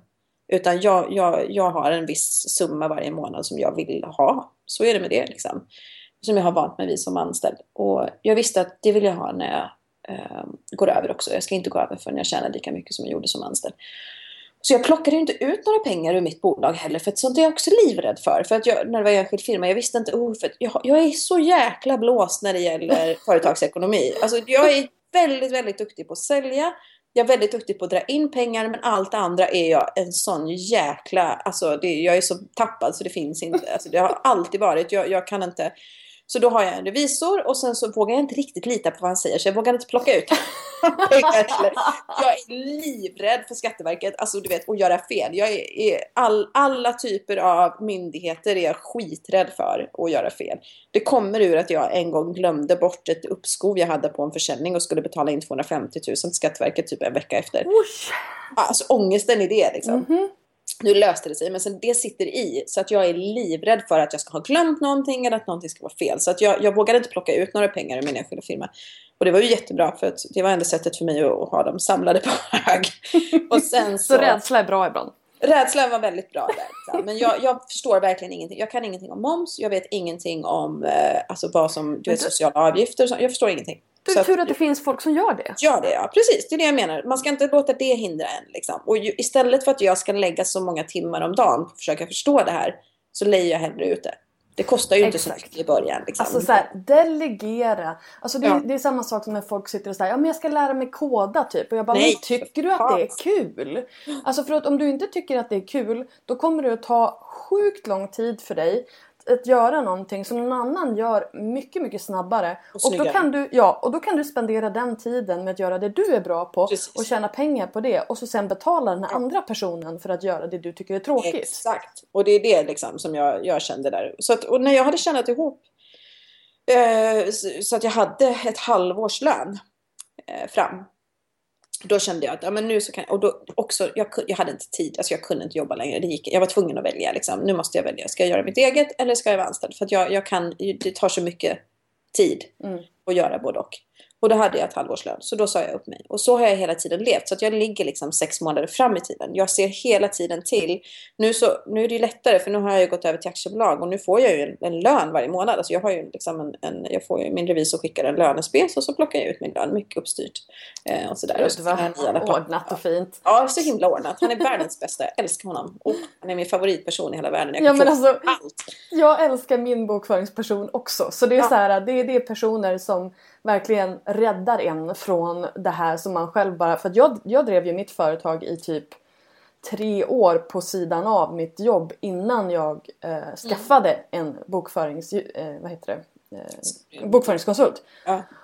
Och du vet, så jag gjorde ju min deklaration tre gånger själv. Mm, nej men alltså det finns Alltså ju... du vet, och, och, man, man får så ont i huvudet och det är verkligen... Och egentligen så är det inte så svårt för det är liksom två rutor du ska fylla i. Jo men alltså... alltså det där är... Alltså, har du tittat på ett aktiebolag? Alltså när du får Nej, den här jag har enskild firma. Ah, herregud alltså. Jag lägger mig inte i A och B. Det skulle jag aldrig röra om jag var... Om jag liksom själv. Eh, för att det är, men så här, enskild firma, man kan traggla sig förbi det uppenbarligen för att jag har gjort det fast jag har aldrig blivit kollad. Du missar ju alla de här bra grejerna som du säkert skulle kunna använda som du inte vet om. säkert, säkert. Men det var ju liksom, det, jag fick ju inte in tillräckligt mycket pengar för att det var inte riktigt värt det liksom. Ja. Det var bara för att, som du säger, alltså jag gjorde någon hemsida där och jag gjorde någon skivomslag där och sådär. Så det var inte riktigt värt för mig att ha en bokföringsperson. För att jag, jag nolltaxerade typ. Mm. Eh, så att jag menar, ja. Men, men sen när man faktiskt här tänker att okej okay, det här ska bli en business, då måste jag investera i den och då anlita någon som gör det.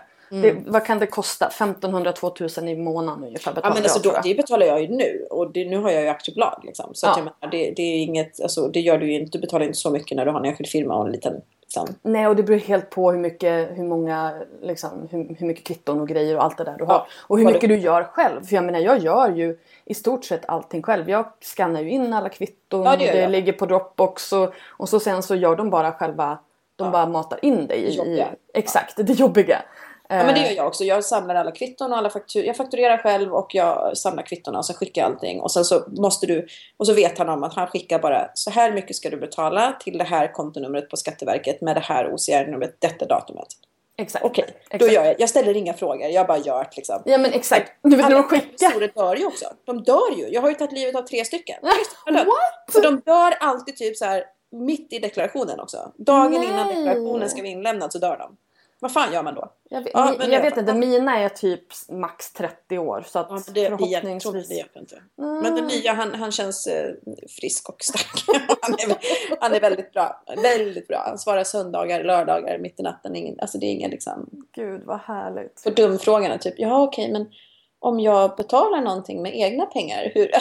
så det är sådana. Jag, har- ja, Ja, ja, jag har också ställt alla dumma frågor. De Ja. får alla dumma frågor. Det finns liksom ingenting som Nej. är för, för dumt. Och det här är ganska bra för vi har ett par stycken sådana här i, i Better bloggers eh, medlemsgrupp på Facebook. Så att om man behöver en bokföringsperson så då finns, då finns det liksom att anlita i, bland medlemmarna. De fattar bloggar så att det är jättebra.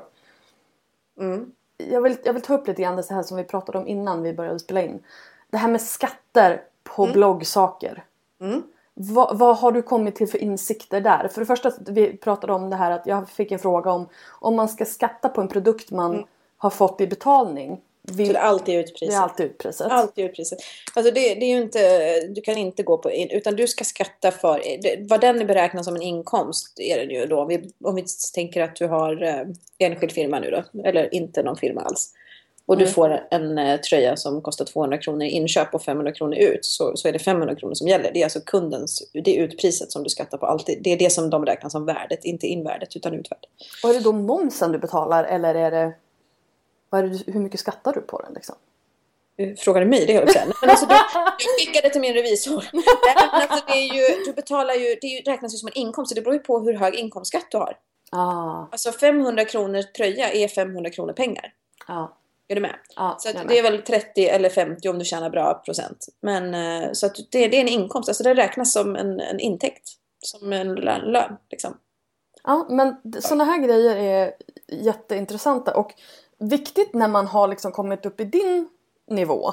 Men jag tycker samtidigt så här, man ska inte snöa in sig på sådana här grejer när man har när man är i en tillväxtfas liksom. Alltså- Snöa in sig på att betala skatt. Det är jävligt bra att betala Nej men, skatt. Menar du?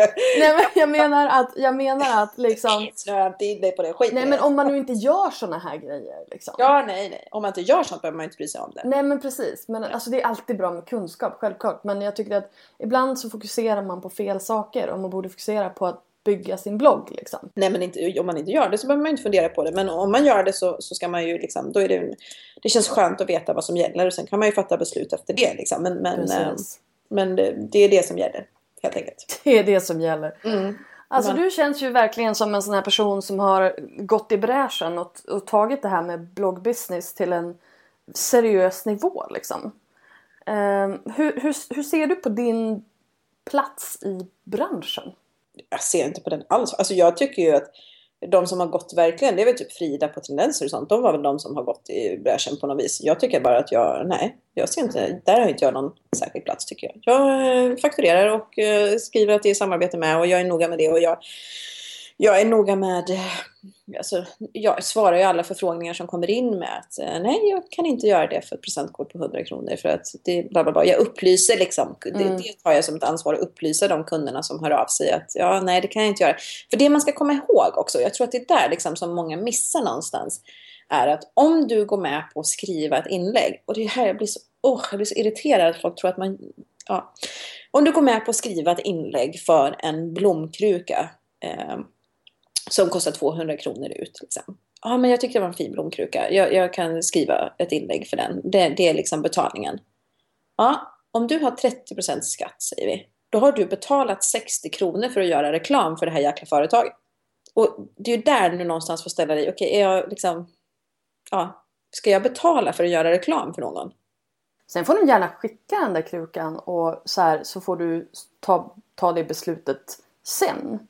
För att om du inte har ingått ett avtal. Ja fast det där, jag vet fan om jag hade gett mig på det där. Alltså. Jag räknar allting som att, att får jag det, då ska det skattas. För jag tror att det är det som gäller också faktiskt. Om du hårdrar det med Skatteverket. De skiter fullkomligt i Ja, med Skatteverket. Men inte, inte för marknadsföringslagen. Nej. Nej visst, men då har du ju fortfarande, ja visst då har du ju betalt mindre för din kruka. Nej men så kan det ju vara och det finns ju gånger som man har gjort det också. Det har jag också gjort men då har man ju varit tydlig med det liksom att, att eh, och tycker jag att det är värt det. Alltså, tycker jag att det är värt det att betala, och det kan ju vara om det är större grejer liksom. Men det är ju aldrig gratis och det är det folk inte förstår. Alltså det är aldrig gratis. Och det är ju samma sak om, om någon ska komma och smälla upp liksom en, en garderobslösning hemma hos mig. Eh, det är ju aldrig gratis. Alltså det är inte så att du bara får pengar och sen är det liksom, så får du hela garderobsskiten. Alltså ingenting är gratis i den här världen och det ska man komma ihåg. Alltså det kostar på ena eller andra sättet. Det kostar ju som inkomst och det kostar som liksom... För det här är väl grejen att när företag, för det var det här jag fick ut ur, ur Skatteverket. Och som sagt, ingenting är etsat i sten, det finns inga prejudikat och sådär. Men hon sa att förmodligen så mm. är det så att när ett företag skickar ut en produkt som ett pressutskick eller, eller, vad, eller vad det nu kan vara för någonting. Då drar ju de av det i sin, eh, i sin bokföring som ett, en marknadsföringskostnad. Mm. Och den här den här pengen då, då som, som staten blir av med när de drar av den, den vill ju de ha tillbaka någonstans. Och då, eh, eftersom att de gör det som en marknadsföringsåtgärd, då för, eftersom att de förväntar sig, eller de skickar den här produkten med eh, intentionen att den ska exponeras i ett marknadsföringssyfte. Så därför läggs skatten då på bloggaren som tar emot den här produkten och skriver om den. Därför att då inse, anses det vara en betalning för utfört arbete. Ja, jo men alltså det anses ju vara en betalning för utfört arbete. Och sen är det väl också lite beroende, vad pratar vi för summor liksom? Alltså ja. skickar någon en, ett saltpåse eh, för 25 spänn, ja fine alltså. Hmm. Du får ju också hålla på, nu vet jag inte summan som är för att det ska kallas för hobbyverksamhet, men det är väl upp till någon, någon tusen. Jag tror 5000. Ja. Så att, men alltså, och sen kan jag inte säga vad de ska bli av med pengar. Det blir de ju inte egentligen. Alltså, alltså marknadsföringskostnader, det påverkar ju egentligen bara, alltså det är ju bol ja. ja fast, om du betalar någon, alltså om du betalar för en banner liksom till exempel, då, då skattar ju mottagaren, eller försäljaren skattar ju då för den här bannerkostnaden som, eh, vad blir det, är det ingående moms då? Ja mm. det är det. Um, så att då får ju, då får ju eh, staten sina pengar. Men mm. skickar du prylar till folk då, då är det ingen som betalar den här momsen. Förstår du vad jag menar? Att, jo, att men samtidigt så finns det ju, du kan ju starta ett företag och så kan du sitta och skicka ut gratis. Du, du, är, du är bara en jävligt dålig företagare liksom. alltså det, det, det, det finns det ju inga lagar mot att du är. Nej. Du, sen så kan du, anledningen till att de skriver av det, det är ju för att det, det är företagstekniskt, alltså skattetekniskt bättre att skriva av det som en kostnad i bolaget. Liksom, att det är en marknadsföringskostnad. Men eh, ja, alltså så det här kan man ju vända och... Ja herregud, alltså det här är ju skattefrågor och det skulle Men, man ju behöva... Som sagt, man kan hårdra, oavsett om du tänker skriva om det eller ej, se till att kalkylera, är det värt det? För det är aldrig gratis. Det är, liksom, det, det är väl egentligen ja, slut, slutbiten för det. Vill jag betala för att göra reklam för det här? Nej, det kanske jag inte vill. Nej, men då kan du ju ta lite betalt också så att det jämnar ut sig liksom. Precis. För att man måste, men även fast man tar betalt så ja. måste man betala för yes. produkten. Det är ju det. Och de, man kan säga så här, de, det är ju det som de inte, jag, som sagt skattejurist vi håller på med, men eh, det är det de, de kan inte, det finns inga hundra eh, klara svar för det, men jag utgår alltid från värsta tänkbara scenario. Eh, för de kanske för kommer... du är rädd för myndigheter? Ja, nej men också, jag vill, liksom inte, jag vill, jag vill att det ska vara rätt. Liksom. Ja, då är det bättre att göra före rätt eh, ändå. Men ja, så är det. Eh, så att eh, är det så att någon skickar en vara för man kan ju tycka så här, ja men om du betalar mig 1000 kronor för att visa den här tröjan för 500 kronor, liksom, då är ju tröjan någonting som behövs för att jag ska kunna utföra det här arbetet. Men då ska du ju returnera tröjan sen också. Då klarar du dig, liksom. då behöver du inte... Eh, Exakt, och det här är ju lite grann som det funkar för att många jämför ju då med så här eh, modetidningar och sånt där som får saker skickat till sig och sådär. Men de lånar ju oftast. Ja, men, eh, och sen får de ju skickade till sig. Men det är bara det att där är det ju en bransch liksom, enligt Skatteverket. Det, det är redan klart. Förstår du? Det är ett normalt jobb enligt dem. Eh, vad vi har här, det är ju inga normala saker. Så därför har det, jag kan ju också tycka, men vad fasiken alla jäkla tidningar då? Som får smink. Nu tänker jag ju mest på sminkbloggare och sånt. Då, som ja, får. det är ju där det är lite lurigt. Ja, för där är det ju verkligen mycket produkter. Alltså så mycket sitter man ju inte och hovar hem som vanlig liksom. Varför? Nej, verkligen inte. De får ju pressutskick för tusentals ja. kronor i veckan. Precis, och det får ju eh, tidningarna med. Och där är det okej. Okay, liksom. Jag kan ju inte tänka mig att de sitter och, och, och skattar för det. Och jag menar alla, om vi tänker, jag tänker ju mer så här sponsringsavtal. Vad är skillnaden då om man tittar på typ Zlatan? Om han får eh, Nike-dojor. Eh, tror du han skattar för dojorna? Det borde han ju rimligtvis göra. Ja, men jag tror inte han, alltså jag tror det finns ju någonting där i sponsringavtalen som gör att han får betalt för att använda de här skorna. Och jag tvivlar ju på att Zlatan betalar för skorna. Alltså jag tror det är så mycket pengar involverat i det där så att det blir liksom en... på, på liksom vad han får för att använda skorna. Men liksom Gunde, han betalar ju skatt på pengarna han får för att ha mössan. Men betalar han för mössan? Ja. Och det är ju det jag inte tror man gör. Och därför förstår jag inte vad är skillnaden på en idrottsman då? Nu låter det ju som man har världens hybris. Liksom.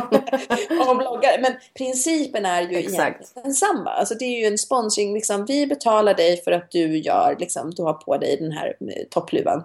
Ja. ja. Och sen så nej, jag tror inte att Gunde kanske betalar för toppluvan. Men å andra sidan, vem vet om att han har fått den? Alltså det är ju liksom, ja. Nej men det, och det är ju det också. Det, vart är de tydliga i sin... När de har på sig de här grejerna, vart är de tydliga med att det är reklam? Nej, och där han står och hostar för att den ska synas. Liksom. Ja, men, ja men lite så. Alltså, det där tycker jag att man det är väldigt så här i bloggbranschen just nu så är det väldigt så här, ja men det ska vara tydligt vad som är reklam och sådär och jag är helt med på det. Det ska det definitivt vara för man vill inte vilseleda.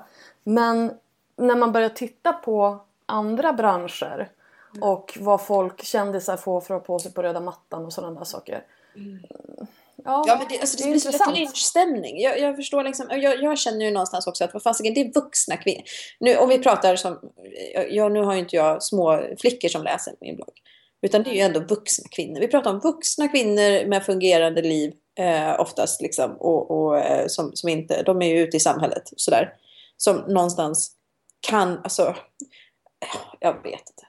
Alltså jag tycker det är jättetydligt och vara, eh, jätteviktigt att vara tydlig med när du har fått betalt för att göra någonting och hit och dit. Men det har blivit en sån jäkla lynchstämning på något sätt att alla förväntas fiffla, alla förväntas hålla på med, med grat, liksom gratis saker och hit och dit. Men vad fasiken, det, det är inte så. Alla håller inte på sådär. Och de som gör det, låt dem hålla på med det då. Liksom. Men någonstans så får man väl själv man springer ju inte och köper allting bara för att någon har det på sig. Alltså jag springer inte och köper Zlatans-skor för att Zlatan har... Alltså, Nej. Det, det, det, och det, jag tror att där är det en skillnad också på ålder och blogg, ja. Eh, liksom, bloggmålgrupper. För om man tittar nu på Miss Lisibell som blev fälld för smygreklam här för ett par veckor sedan. Vem vadå? Miss Lisibell, en jättestor vloggare. Hon blev för, fälld för smygreklam för en, eh, en video hon hade gjort med en eh, Alltså, sen var det lite oklart så att om, det, om hon hade fått betalt för det eller inte. För hon hade gjort då en video där hon visar upp en massa produkter i en så kallad haul eh, som hon har fått från ett sminkföretag. Eh, mm. Och då var det så här, då blev hon fälld därför att de tyckte inte att det var tillräckligt tydligt att det var, att det var reklam. Och då hade hon gått ut via sina föräldrar och sagt att nej, det var inte ett samarbete, det fanns inget avtal etc. Etc. Hon hade inte fått betalt för det här. Sen någon vecka senare så gick eh, Lisa då, som heter ut och sa att ja, men det, det var ett samarbete, jag glömde säga det. Och då blir det så här, okej, okay, vad exakt var det som gällde här egentligen? Nej men exakt, exakt. Du, håll det till det du har sagt. Så. Men jag tror att hon blev ju fälld därför att hon är 14 år och hennes målgrupp är till 95% minst eh, omyndiga. Så det var ju reklam mot barn liksom. Och så, så liksom det enda som har blivit tråkigt med den här, liksom, att det är så tydligt nu med, med samarbeten hit och dit, det är ju att folk tror att man kan inte köpa något av egen vilja längre. Exakt. Man kanske hon bara har köpt, eh, hon tycker verkligen om det här schampot liksom. Eller hon kanske tycker om det här pudret eller vad det nu än må vara. Och så gör hon en video om det. Och så blir det smygreklam. Fast hon, hon inte all, hon vill ju bara, alltså.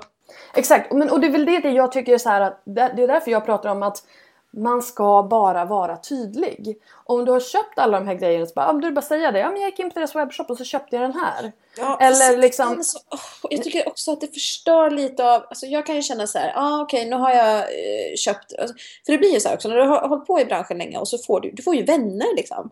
Jag, får ju, jag har ju vänner som, som har webbutiker nu som efter fem år, liksom, det har ju blivit mina kompisar. Typ som Jenny som har Modesto till exempel. Vi är ju vänner privat, alltså vi är ju kompisar privat. Och om jag får liksom som jag skulle fått om jag inte bloggade, en rabatt för att handla hennes butik. Det är ju inte för att hon vill att jag ska skriva om det, utan det är ju för att vi är, jag, jag är en vän till henne. Och det är ju dels det som jag kan känna så här, dels så kanske folk tror att jag får allting gratis, men känner så här, hon är ju min vän, jag vill ju, alltså, hon har ju ett företag, hon måste ju överleva, hon kan ju inte skicka en massa grejer till mig. Alltså, Särskilt saker som hon inte har liksom, i butiken. Jag vill ju betala för det. Liksom. Men om, om jag då får en rabatt på 10 säger vi, eller vad fasiken som helst. För att jag vill fortfarande, alltså jag vill inte ha så jäkla mycket rabatt. För hon är en vän och jag vill att det ska gå bra för hennes företag. Men mm. ändå. Ska man liksom, ja och den här så kommer där, och den fick jag köpa till 10 rabatt. Alltså hur, du förstår, hon har ju inte, ja, jag har inte ja. fått rabatten för att visa det. Utan vi har fått, det blir liksom allting, när det blir så här tekniskt. Mm. Om man ska tänka på varje bit. Jag tycker att känslan försvinner lite då på något vis. Ja men alltså det där tycker jag, det där, då har du ju ändå köpt den. Du har fått en liten rabatt. Det kan du ha fått ja, för att du är jo, stammis eller whatever. Ska liksom. hårdra det så ska jag ju även berätta om att jag har fått rabatt. Liksom. Och då ja. blir det bara så tekniskt. Alltså det kan vara en, en, text med ett bra flow och sen så tar jag liksom med för att annars får man fråga varifrån det kommer och så ska man då okej okay, och den har jag köpt på det. Alltså det känns bara så. Jag vet och det här är ju liksom, det här är ju sånt där som vi får Alltså vi, vi i branschen får liksom, du vet, klämma, känna, vända, vrida på lite grann och, och se vad, vad som kommer av det och vad som funkar och vad som känns okej okay för läsarna i slutändan. Därför att vi uppfinner ju hjulet lite grann här. Och, det och frågar ju... så svarar jag ju såklart. Ja, rabatt. Liksom. Det så det är ju ingenting liksom... med det. Men så länge jag har betalt för det. Ja. Eller liksom, jag kan ju också skriva att den har jag fått eh, liksom, den har jag fått av henne och då betyder det att jag har fått den. Och så, sen har jag ju skattat för den. Men det är ju någonting annat. Men sen om jag har fått den liksom. Men, men och frågar någon så är jag alltid, eh, då kan jag, inget problem. Det är inget jag skäms för att jag har fått rabatt liksom. Nej. Men det eh. där är ju lite lurigt när det, när det blir liksom, när alla de här gränserna börjar suddas ut. Vad, vad är privat? Vad är jobb? Mm. Vad är företag? Vad är mm. PR? Vad är liksom reklam? Alltså alla de här grejerna. Så att jag, jag tänker att det är svårt att, eftersom att det inte finns några liksom, prejudikat på de flesta håll. Eh, så är det svårt att veta exakt vad som är rätt och fel. Och jag menar, man, det, man får göra så gott man kan. Och när man ska skriva då att jag har fått rabatt, då känns det som att, nej men då, då tar ni ju det som att jag visar den bara för att jag har fått rabatt. Och det är inte ja. därför jag har fått rabatt. Jag har fått rabatt för att jag känner henne och för att vi tycker om varandra. Liksom. Eller för att jag har sagt åt henne, kan du inte köpa in den här? Liksom. Jag har ja. varit med på Pessa eller vad som helst. Och, och, det, har ju inte, det hade jag ju fått oavsett om jag hade skrivit om det eller inte. Uh, så att det blir liksom... Uh, Precis, men då tycker, jag inte att, då tycker jag inte att det är... För att då är det ju inte en marknadsförings... Nej men för säljare eller för, för läsarna så är det ju det. Alltså för läsarna så, så har de ju svårt för att särskilja att vi faktiskt är vänner. Och då tycker de, men ska du skriva ut att ja men jag har ju inte fått rabatt för att vi... Nej men då är det ju inte en marknadsföringsåtgärd. Om du inte Nej, har fått men för rabatt läsarna för att... så är det jättesvårt att se skillnad på. Och det kan jag ju liksom också förstå. Men även, jag har ju skickat betalningsunderlag till några som har hört av sig och, och liksom envisas med att det här har jag fått gratis. Och då har jag ju också ibland liksom bara, men vad fasiken ska jag skicka kvitton? Så kan jag få... Mm. Och så har jag gått in och skickat kvitton och sett att det finns inget som heter gratis liksom. Men det där tycker jag är jättetråkigt. Det där handlar ju liksom om... Läsaren måste ju också... Jag förstår att det är väldigt många som är väldigt skeptiska just nu för att det är väldigt... Det är spridda skurar när det gäller vilka som är tydliga och vilka som inte är det. Men jag tycker att när man är så pass tydlig som du är Mm. så måste man ju kunna få free pass när man faktiskt köper någonting. Ja. Tydlighet är bra men man behöver inte skriva läsarna på näsan alla gånger. Och just det här att försöka hitta en gyllene medelväg, det är en process. Mm. Om du skulle vilja ge några business tips, tre business tips till bloggare Tips. som vill jobba professionellt med bloggen. Vad, vad skulle du vilja säga då? Ja men det ena är väl att ta eh alltså, ta betalt. det är nummer ett. Det, och sen behöver det inte vara mycket. Men alltså någonstans så måste man... Sen är det ju också, som sagt, börja jobba gratis. Man kommer få vara beredd att jobba jäkligt mycket gratis i början. Och när det inte funkar längre, det är då man ska börja ta betalt. Och då kommer det vara lätt att ta betalt också. För att det är sättet att sålla på något sätt. Bland alla förfrågningar. Um, och sen ta betalt i den utsträckningen att det lönar sig för kunden. Alltså att du vet om att det du gör kommer ge en liksom, om det inte är någon som bara vill ha en en engångssatsning, då kan du ta lite mer. Liksom. Um, och sen är det väl att alltså, göra det som känns bra. Det är det jag ska säga. Gör det som känns bra. Vill du inte tjäna pengar på bloggen, gör inte det. Vill du tjäna pengar, gör det. Uh, gå efter dina egna på något sätt riktlinjer vad som känns etiskt korrekt för dig, inte för alla andra. För det är någonstans du som ska stå för det och du som ska kunna försvara det och du som ska känna att det är okej. Och sen spelar det ingen roll om någon annan gör på något sätt och du gör på, på ett sätt. Det är bara olika sätt att göra det på och man får hitta sitt och göra de grejerna som man själv tycker är okej. Och framförallt det här med att som jag tycker är så tråkigt, det här med svart och vitt och att det är liksom olika sätt. Att det handlar inte om antingen hjärta eller pengar. Antingen eller. Antingen så kan man ha en genuin blogg liksom, med hjärta och, och sådär. Eller så har man en blogg som man tjänar pengar på. Det är lite den uppfattningen som jag tycker är så tråkig med. Det går att göra både och. Så det går ju att ha en blogg där man eh, gör det för att man tycker det är väldigt roligt. Man är genuin i det man skriver, man har en bra kontakt med sina läsare och man tjänar pengar på det. Alltså det är inget, det behöver inte utesluta det ena. Nej. Var det tre? Det tror jag. det var nog fler tre. Jag har hur många som helst. ja, jag kan ta fler. Har du fler? ja, ja, ja. Nej, men alltså det finns ju alltid, det beror ju på var vi börjar någonstans. Liksom. Dels får man ju lära sig att förpacka och så tänk, hur ska jag tänka i allting? Alltså i det jag gör. Och gör ingenting som du inte har en tanke bakom om varför du gör. Um, det är också en sån sak. De flesta, alltså de som är stora bloggare idag, de, de är ju inte det av en slump. Ingenting är en slump. Eh, allting som sker i, i den delen av bloggvärlden, ingenting är en slump. Och de är stora av en anledning och det är för att de är jäkligt duktiga marknadsförare och de är duktiga på att paketera och de är duktiga på att lägga fram. Uh, och det, man, man, kan inte bara liksom skriva och tänka att, det, att då kommer det lösa sig utan det, det måste finnas en tanke bakom. Hela tiden. Vad har du för strategi när det gäller ditt innehåll? Alltså hur, hur, du, hur du sållar, hur du planerar etc. Ja, alltså jag... Nu så är det ju ganska planerat. Det måste det vara för att det ska hinnas med. Alltså I början så kunde man ju typ skriva spontant varje dag och så vidare. Nu måste jag ju eh, ha det ganska planerat ändå. Eller planerat och planerat. Alltså jag har ju en bank med bilder till exempel. Vissa dagar så kan jag fota mycket mer och då kan jag kanske fota till fyra, fem inlägg. Och sen har jag den att ta av de dagarna som jag inte har hunnit fota eller när ljuset har försvunnit eller vad det nu än må vara. Och sen försöker jag ha en bra blandning. Att nu behöver jag visa lite inredning, nu behöver jag visa, just slänga in en bild på mig själv också. Och sen får jag slänga in, liksom, nu behövs det lite barn. Och, och har det varit liksom, någonting som har varit väldigt kommersiellt då måste jag försöka väga upp det med någonting som är mer emotionellt och så vidare. Så att man har den här bra blandningen på något vis. Men du har ingen så här att du lägger upp ett par veckor att jag ska göra det här och det här och det här? Nej. Nej, jag har vissa saker som tar lite längre tid som när jag håller på med så do it yourself grejer och så. Då kan jag ibland liksom tänka ut eh, och jag har en, liksom, en sån här idébank liksom, med saker. Ja, men det här kan jag ju göra. Och, och så kan jag köpa saker till det och sen kan det ligga ute i förrådet i en månad. Liksom. Och sen så känner jag att just det, nu ska jag göra det. Och då har jag sakerna tillgängliga så att säga. Men, men vanliga inlägg så nej. Ja, för det känns ju som att det är väldigt mycket så här vardagsflöde. Ja, nej men det är ju, alltså, fast det händer ju inte så jävla mycket liv. så är det ju när du, bloggar, du bloggar varje dag, ibland fler än en gång per dag. Och jag menar, jag är ju inte någon, jag är ju fortfarande bara en, alltså jag är ju liksom en snart medelålders morsa ute på landet med två ungar och, och tre hundar. Alltså hur jäkla mycket händer det? Det händer ju inte så mycket i livet. Nej men du lyckas ju verkligen plocka ut de delarna som, alltså du vet russinen ur kakan och, och vända och vrida på det så att det blir men det blir ju jävligt tjatigt ibland känner jag. Alltså, jag, alltså, jag kan titta på hur många bilder som helst av dina hundar.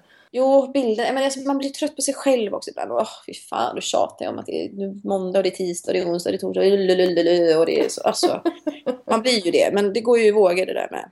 Men det är inte så lätt. Alltså, är, man försöker ju, men det är ju faktiskt inte så lätt. Och, och som, liksom, det är skitkul när man har projekt, som när vi höll på att renovera fritidshuset. Då är det tacksamt. Då har man ju någonting att skriva om hela tiden.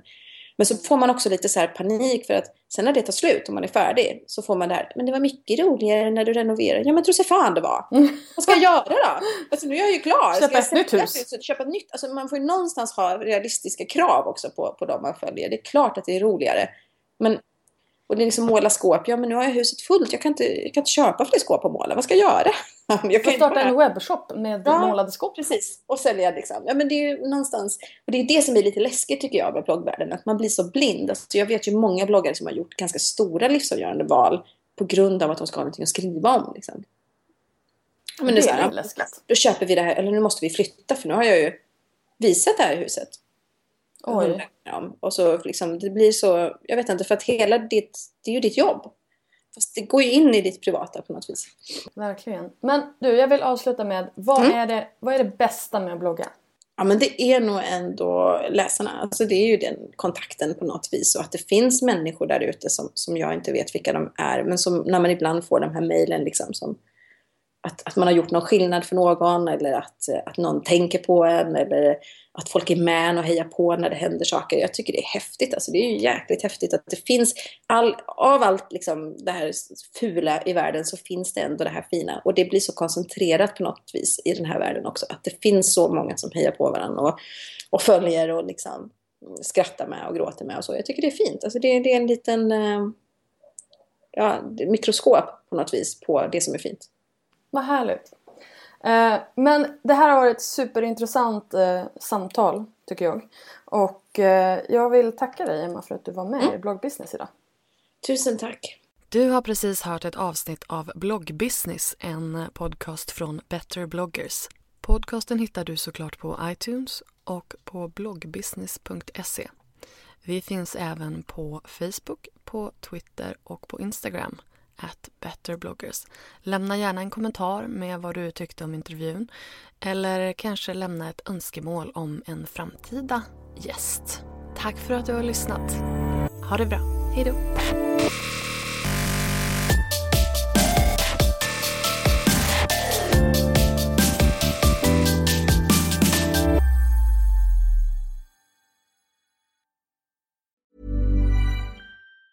Hi, I'm Daniel, founder of Pretty Litter. Did you know cats tend to hide symptoms of sickness and pain? I learned this the hard way after losing my cat, Gingy. So I created Pretty Litter, a health monitoring litter that helps detect early signs of illness by changing colors, saving you money and potentially your cat's life. Pretty Litter is veterinarian developed, and it's the easiest way to keep tabs on your fur baby's health right at home. Go to prettylitter.com and use code ACAST for 20% off your first order and a free cat toy. Terms and conditions apply. See site for details. Imagine the softest sheets you've ever felt. Now imagine them getting even softer over time. That's what you'll feel with Bowl and Branch's organic cotton sheets. In a recent customer survey, 96% replied that Bowl and Branch sheets get softer with every wash. Start getting your best night's sleep in these sheets that get softer and softer for years to come. Try their sheets with a 30-night guarantee. Plus, get 15% off your first order at bowlandbranch.com. Code BUTTERY. Exclusions apply. See site for details.